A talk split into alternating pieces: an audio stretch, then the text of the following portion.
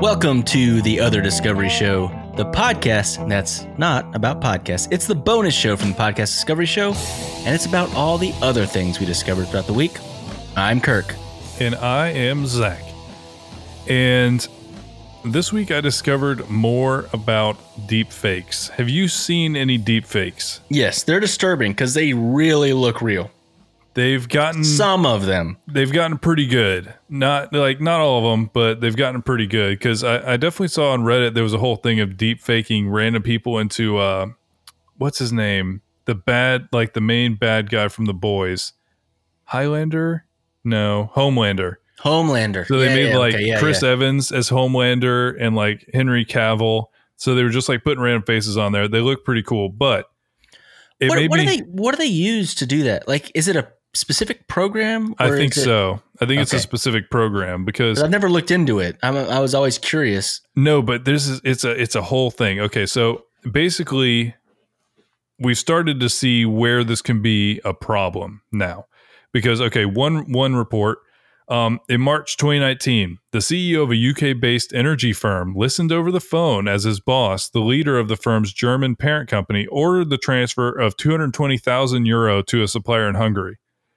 News reports would later detail that the CEO recognized the slight German accent and the melody of his chief's voice and followed the order to transfer the money, equivalent to about $250,000, within an hour. And they kept trying to do it. They later found out that that is a deep fake of his voice. And they were A deep fake of a voice. Yes. So basically, Okay. deepfake is wider than kind of just that. that. video thing, and it's it's been happening for a long time. It, because it also kind of plays into like photoshopping and things like that. Because like apparently ancient Romans used to like delete persons' identity and history by just chiseling stuff off of the stone. You know, so this has always been like a thing, but now we have new technology and new ways of doing this. And Stalin would use like very early photoshopping to make his pictures all look a certain way and things like that. Really? Yeah. And so then you get to deep fakes. And apparently deepfake was coined by a Redditor in 2017 who was named Deepfake. And he created a space that was for porn that would use face swapping technology. So I guess you could watch Stalin in a porn. I don't think that's an actual I don't think it's an actual That's what I've been waiting for my whole life. but but basically they started kind of going through all of this and then now they've gotten a lot better. So there's definitely deep fakes of voices. So you can like manipulate there's an entire one of president trump saying ridiculous stuff. There was one of zuckerberg. Are you sure that's a deep fake? yes. Uh Okay. it's yeah it's it's ridiculous. I'm not going to link it. You can look it up if you want to. It's something. Um but then basically they started taking political leaders and once you have enough of them talking you can make them say kind of whatever so they essentially will put together entire sentences and put together entire speeches of random garbage just to do that and so it's starting to be a real issue because I feel also like the voice one might be easier actually than the visual one. Just yeah it's like, probably a lot easier to with do technology nowadays, if, especially somebody that's in the in the public eye that, that's done a lot of speeches or something like that. You get them saying a bunch of words, you can have them say whatever the freak you want. yeah you you, know what I really mean? can Like with computer programs and stuff. That's hmm. and I that's hadn't one actually thing. thought about the audio version of this. but yeah there's definitely like a lot of this stuff and some of the the issues that we're running into is people are using this to create fake videos that they're passing off as real And- Ah, so then you're starting to run into okay so this is terrifying they can make any video because for how long now video is like the proof you know if if you have committed a crime and they have you on video doing it they're like okay done but one what, what happens when that is no longer reliable what happens if they worth a could thousand words. yeah and what happens if they could a put your million. face I just it made that up. you just made up that saying that's Mm-hmm. pretty amazing it feels like i've heard it before The video's worth a million? Oh no i haven't heard I the added the end main part. I knew Oh, they okay. didn't have the front part. Oh, okay, gotcha. I am a genius. okay, uh, but yeah, once you start thinking like, okay, how could people misuse this to push a false narrative or to do whatever or to incriminate someone or get somebody freed from Yeah. something by just Mhm. making this up. And so this is actually what I kind of discovered that made me go down this is uh Microsoft has announced that they have a new tool that is literally just to combat fake uh like fake videos, disinformation and deep faking. And so what they've done is they've built an algorithm that can kind of track and find the issues in it because it's not perfect. It's good enough to trick us, but that doesn't mean it's perfect in its actual file. You know, the actual video itself if they look at it, they can they can see the things that we can't. But yeah, Microsoft has announced Microsoft Video Authenticator. It can analyze a still photo or a video to provide a percentage chance or confidence score that it's artificially manipulated. Hmm. In the case of a video, it can provide this percentage in real time on each frame as the video plays. It works by detecting the blending boundary of the deepfake and subtle fading or grayscale elements that may not be detectable by the human eye. So it's literally looking for those very small editing things that people are doing in these programs that we can't see, but a computer can track Hmm. and so they have they've developed this in the Microsoft Microsoft research and AI team, and now they're starting to test it. You know, and they were using it. They built it off a public data set, and it was tested at a there was a challenge, and both of these were it was pretty successful. So there are options coming, but it's just crazy to think about. This is going to be the next generation of all disinformation is completely Ah, faked videos. Just And what we need. Just what we need. Yeah, and if we can't find a way to track and to tell when they're fake, what's going to happen? Like we we got I'm glad that we're at least thinking forward to be like, oh, this is how we're going to have to combat this fake stuff that's going to. That is why I like this article as well because at least somebody is thinking like we should probably try and figure out some way to find out that's fake. Yeah. So uh, I found I discovered something that uh, it's going to be great for this, and it's also going to be great for our other little show, Ag Lab. It's about drones that this company is using to plant trees.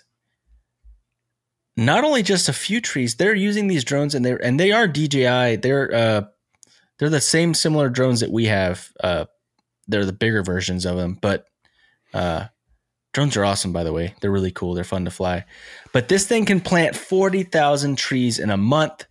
And by 2028, they'll have planted 1 billion trees, is the, the title of the article. Um, so there's a, a, U, uh, a Canadian company that has, it's called Flash Forest.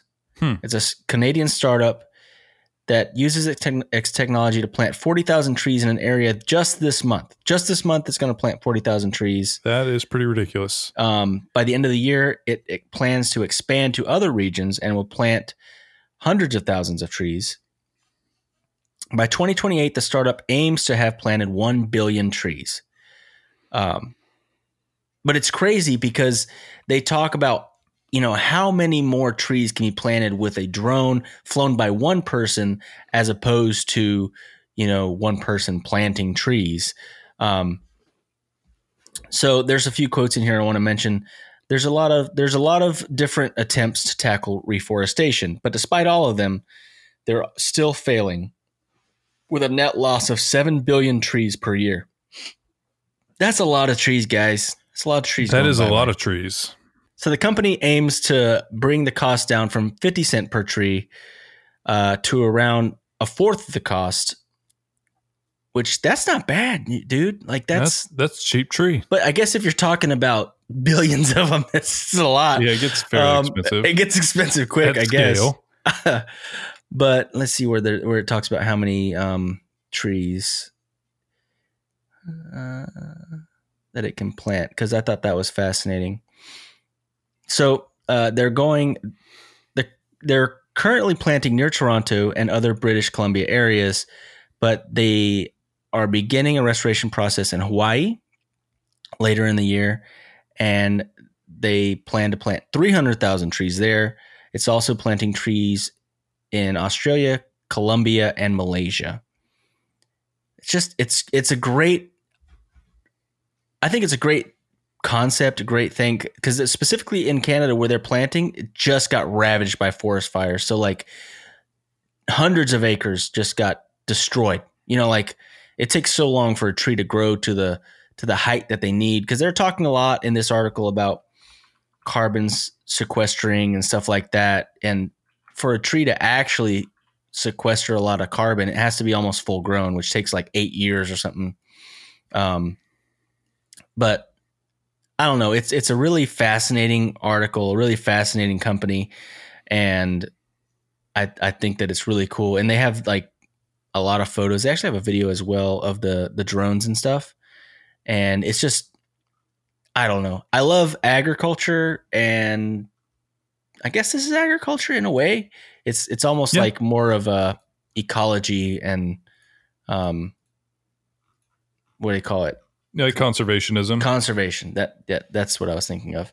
Yeah. But no, it's a, it's a great story and it's definitely worth a read. Yeah, no, I mean it's it's a great thing to find new ways to just be planting trees all the time. So they okay. talk a lot about the carbon sequestering or whatever. And I think that someone needs to focus a little more on algae because now that we know how much algae can do some stuff, uh, yeah, no, like I mean, some people are, you know, like those people that were doing the air purifiers that were uh, essentially a bioreactor. They were just a, a, carbon sink that you could like put in a building. But yeah, no, it, there really probably is options for using algae in some way.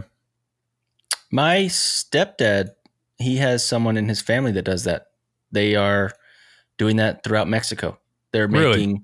algae filtration, like air filtration. Hmm for and I will say I've been to Mexico and some of this the the city areas and it is it's bad because there's like using really old cars in some places like old cars you know like crappy motorcycles and stuff to get around and the it's it's it smells gross it's just all exhaust and it's just you can feel it it's bad. So I can imagine that it's useful in like you know Mexico City. I wasn't even talking about Mexico City. I've been to other places that weren't that bad. But it's fascinating. Yeah, no, there's it's really cool to see how people are trying to basically to see how people are trying to use drones for one because everybody's trying to figure out anything they can do with them. So that's a cool thing, but yeah, trying to figure out how to offset some of our impact on the planet is a cool thing. Oh, by the way, I forgot to mention before, linked in the show notes is going to be a deepfake quiz that Microsoft put out where what? you try to guess what the deep fake is or not. Oh god. So that'll be there. You can check your uh your internet literacy maybe, your your critical thinking on videos and you can start to see the problem that's happening. So definitely check that out. Have you done it yet? I have not. I'm curious how well or how bad we do on it. Yeah. Uh, I'm I'm looking forward to it for sure. It'll be around. So I discovered the new Raspberry Pi computer. Did you see this? I did not. Do you know what I Raspberry Pi is? I mean, vaguely. vaguely? Yeah. Okay. Raspberry Pi Josh Foundation. Used to talk about it every five minutes. Uh, yeah, it's it's kind of awesome. So, Raspberry Pi Foundation is a charity that was founded in 2009 to promote the study of computer science in schools, and they built what is called the Raspberry Pi and it is literally a single board computer. And it started out, it's basically like, I'm trying to think what's about that size. Like, I don't know, just like a two by three yeah. block. I've seen, and I've seen them. It's, they've gotten more and more sophisticated constantly, but they literally start at 50 bucks for a computer and you can do all kinds of stuff with it. People have done amazing thing with Raspberry Pis you can do whatever you want. People program it so they can run robots and everything. But literally, it just came from this place that wanted to help people have people doing cool projects, you know, because uh, you can use it on robotics and you can just try different things on it. People use it for all kinds of like portable whatever. And essentially, their new one takes out all of the the clunkiness of having to kind of like figure out how to mount it and everything. It literally is a keyboard. It looks like a keyboard, but inside the keyboard is a Raspberry Pi, and a not not very bad one either. Like it's pretty good. It's got you can get it up to eight gigs of RAM. That's much better than many of the computers I've had in my life. Um, That just And- looks like a keyboard. yeah, you literally just it's just a it's, just, a it's keyboard. just a keyboard, and you plug it into a monitor. you plug it into basically, a mouse, you plug it into a monitor. It's got a 64 bit processor. It's got up to eight gigs of RAM. It's got wireless, 4K video playback. That's it's fascinating. Seventy dollars. Can you play Overwatch on it? No, probably not. I don't want it. Get this out of my face. No, but like think about it as like a media center. I'm just kidding. No, No, it's, it's, no. no, it's great. It's no, for real. It's it's really cool. I wish I knew stuff about coding. I wish that we were born like just You- a few no. years later, and we could really do some really fascinating stuff. I mean, this. I totally agree with you, but Raspberry Pi makes it pretty easy to do that. you Like, say that, but no, there's tons of resources. What I'm saying, not that like you wouldn't have to learn something, but just you can. It gives you a lot of resources for essentially doing a project. You know, one of the things I always thought would be cool to do for a Raspberry Pi, well, like Media Center, obviously would be cool, but I always thought it would be cool to have like a smart calendar that's just kind of like on, and it's just like connected to like maybe my Google Calendar.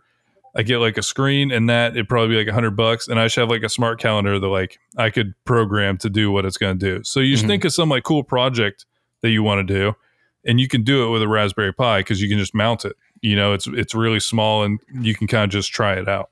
But no, I just thought it was cool. I like the, the kind of the mission statement of Raspberry Pi and I like the new tech they have. And I want to, I want to buy one of these keyboard things. no, that that's it's that's fascinating. And now I want to learn how to do something with it. so, Zach, have you ever gone and either visited a friend or gone to a hotel or something and you go to sleep and you wake up and you're like, God, I slept for hours, like a regular amount of time, but I don't feel that rested?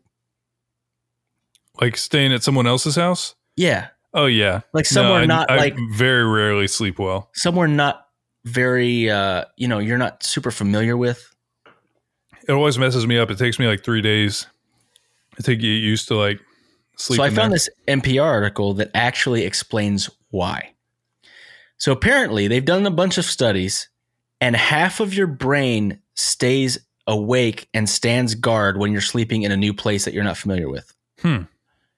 I- i thought it was a fact i mean it's it seems like duh that makes sense but uh, in this article, it's it's it's great. It's just such a good article about sleeping in unfamiliar surroundings. It's it's great. See, it says only half of your brain is getting a good night's rest when you're somewhere that you're not familiar with.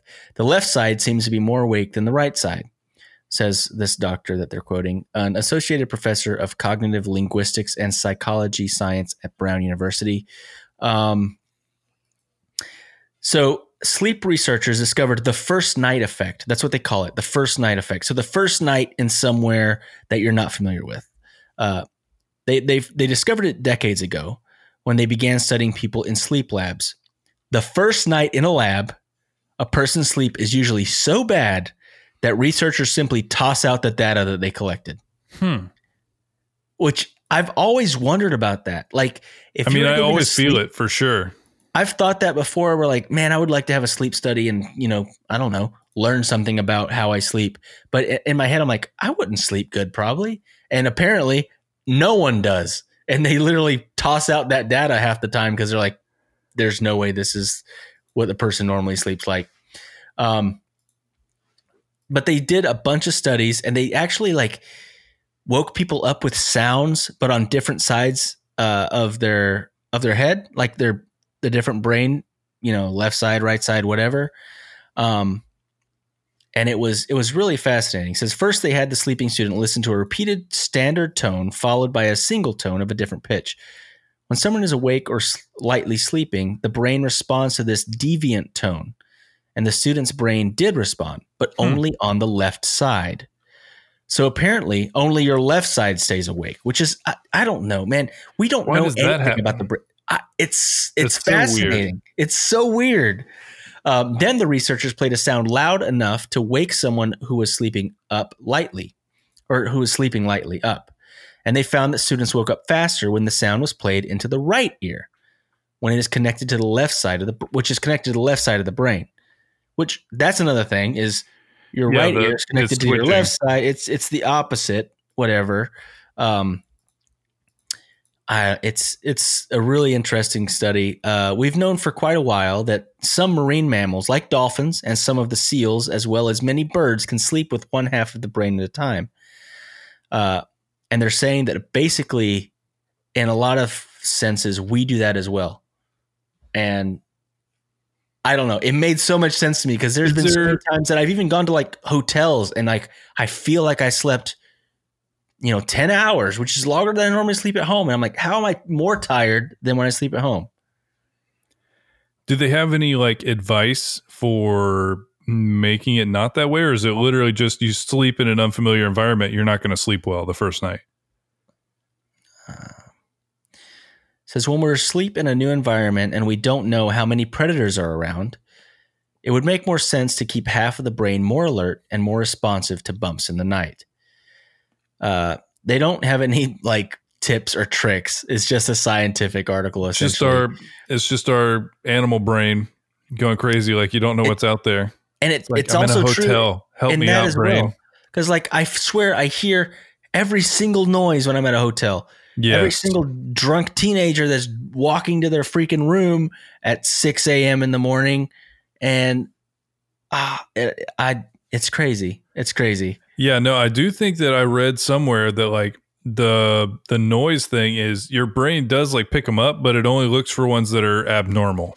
So if it's like normal, like your air conditioning kicking on, the train going by your house, your kids, your like your area, that's one thing. But then if you hear anything that's not normal, that wakes you up. And that's So- probably why like noise machines really work with a lot of people because if you train your brain to hear that noise all the time, and if you go to somewhere unfamiliar and you play that as just like a white noise, I'm sure that you help. It helps you sleep There's a lot better. I think your brother, right your there. brother does it, right? Doesn't he Oh say yeah, he does Gabe that when he definitely does do that. Yeah. I learned I- how to do that when I went to Mexico. I had uh, I got an app so I could sleep on the planes, and I put the the headphones in, and it would just play like a fan noise, just a, just a noise of a fan. I slept I'm- so good. Uh, the the white noise thing it does make you sleep really well. Okay, I hope everybody's ready to have their mind blown because I just found the best mascot in the history of mascots ever, This is the new PDS mascot, correct? and I feel like okay, alert if you have like I don't know elderly or children around looking at this is going to be disturbing in some in some settings but i would like to introduce everyone to senor testiculo. Senor Testiculo. a brazilian cancer awareness group has created a mascot for their brazil's association of personal assistants for cancer. And his name is senor testiculo. And as you can probably guess senor testiculo is testicles he looks like a giant scrotum and it's got a very disturbing array of hair on it He looks like he's got the face of Grimace from McDonald's. Yeah, it's like if you mix Grimace with Mr. Potato Head and make him hairy, then you have then you have Senor Testiculo. And as disturbing as it is to look at, it is, however, for a good cause because they wanted to really shed a light on the fact that testicular cancer is a thing and everyone should be concerned about it and should be worried about it. But the nonprofit organization does have this quote Both children and adults love taking pictures with the mascot, a friendly snowman in the shape of a testicle. a friendly snowman. Yeah. What is He- that? His that's his background. I guess he's a snowman that looks like testicles Oh, man, I is s- hairy. It's a snowman found- that fell down a hill. I found the pictures of the person inside with the arms coming out. Yeah. I don't like that at all. Yeah, no, it definitely has arms. So Oh, uh, basically they've said while he's a rather odd figure, he says Mr. Ball's done his job by helping to propel testicular cancer research into the media spotlight. And let me just tell you, if you even look up literally it's called Brazil's Association of Personal Assistance for Cancer. If you look it up, guess what you're going to see? Senor Testiculo everywhere. everywhere. So if that was their goal for just awareness, general playtime, they did it. They 100% did it. So Kirk wants a beanie that's made to like mimic Mr. Balls. And so we have to do that for him, honestly. And so that's that's my Christmas present. yeah. but yeah, no, on a more serious oh, note, Oh, like. I, I think testicular cancer is very treatable. Just give them a feel every once in a while. Public service announcement. We are wearing, we are raising so much awareness. I know. That's what I'm saying. It's I'm all good for it. I'm all good for it. All right, guys. So that's our discoveries for the week. Thank you guys for hanging out and um, be on the lookout for our new mascot, Senor Testiculo. He's coming. He's coming for everyone. Don't say he's Into your dreams. Don't say Into your coming. dreams. Into into your into your house. Nope. I don't. I don't like it. I don't like it at all. All right, guys. We'll see you next time.